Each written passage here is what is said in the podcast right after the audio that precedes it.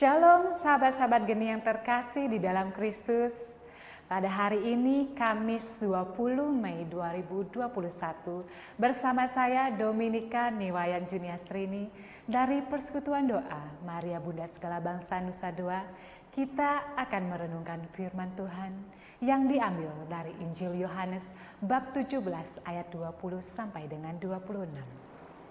Di mana Injil pada hari ini menceritakan doa Tuhan Yesus kepada Bapa yang diperuntukkan kepada murid-muridnya dan juga kepada orang-orang yang percaya kepadanya melalui pemberitaan mereka. Di mana Tuhan Yesus meminta satu kesatuan bagi para muridnya kepada Bapa dan ke, bagi orang-orang yang percaya kepadanya. Adapun Injil pada hari ini kita ambil di ayat 22 dan aku telah memberikan kepada mereka kemuliaan yang engkau berikan kepadaku, supaya mereka menjadi satu sama seperti kita yang adalah satu. Bapak, Ibu, Saudara, dan Saudariku yang terkasih di dalam Kristus, di sini Tuhan Yesus memberikan keteladanannya kepada kita, bagaimana kita harus mengupayakan satu kesatuan dengan Bapa.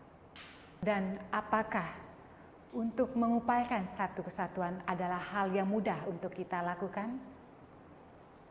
Dalam hal ini, satu kesatuan dalam kita berkomunitas. Dan bisa dibayangkan Bapak Ibu dan teman saudara dan saudariku yang terkasih, apa jadinya kalau dalam setiap komunitas tidak ada satu kesatuan? Pastinya tidak akan ada terpancar Tuhan di dalamnya.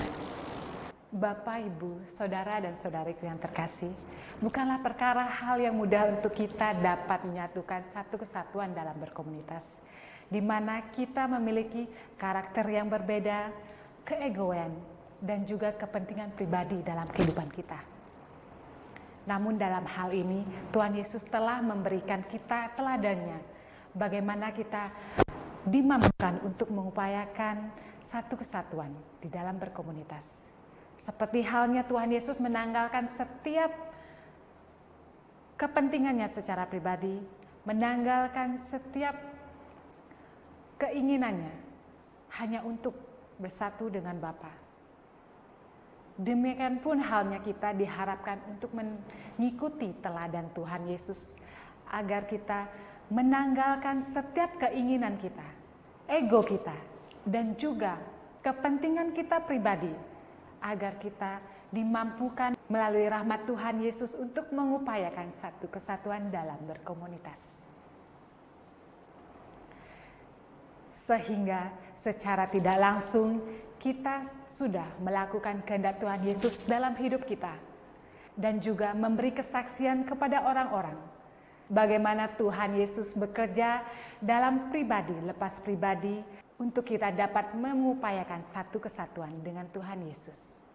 Bapak, Ibu, teman saudara-saudaraku yang terkasih, yang perlu kita refleksikan adalah apakah kita secara pribadi sudah mengupayakan untuk kita menanggalkan setiap ego-egoan kita, setiap kepentingan dan keinginan kita secara pribadi agar dimampukan mengupayakan kesatu-satuan dalam berkomunitas? Mari kita bersama-sama memohon tuntunan dan bimbingan Roh Kudus agar senantiasa kita dimampukan dalam rahmat Tuhan mengupayakan setiap satu kesatuan di dalam berkomunitas. Demikian renungan yang saya bawakan pada hari ini. Tuhan Yesus memberkati kita. Amin.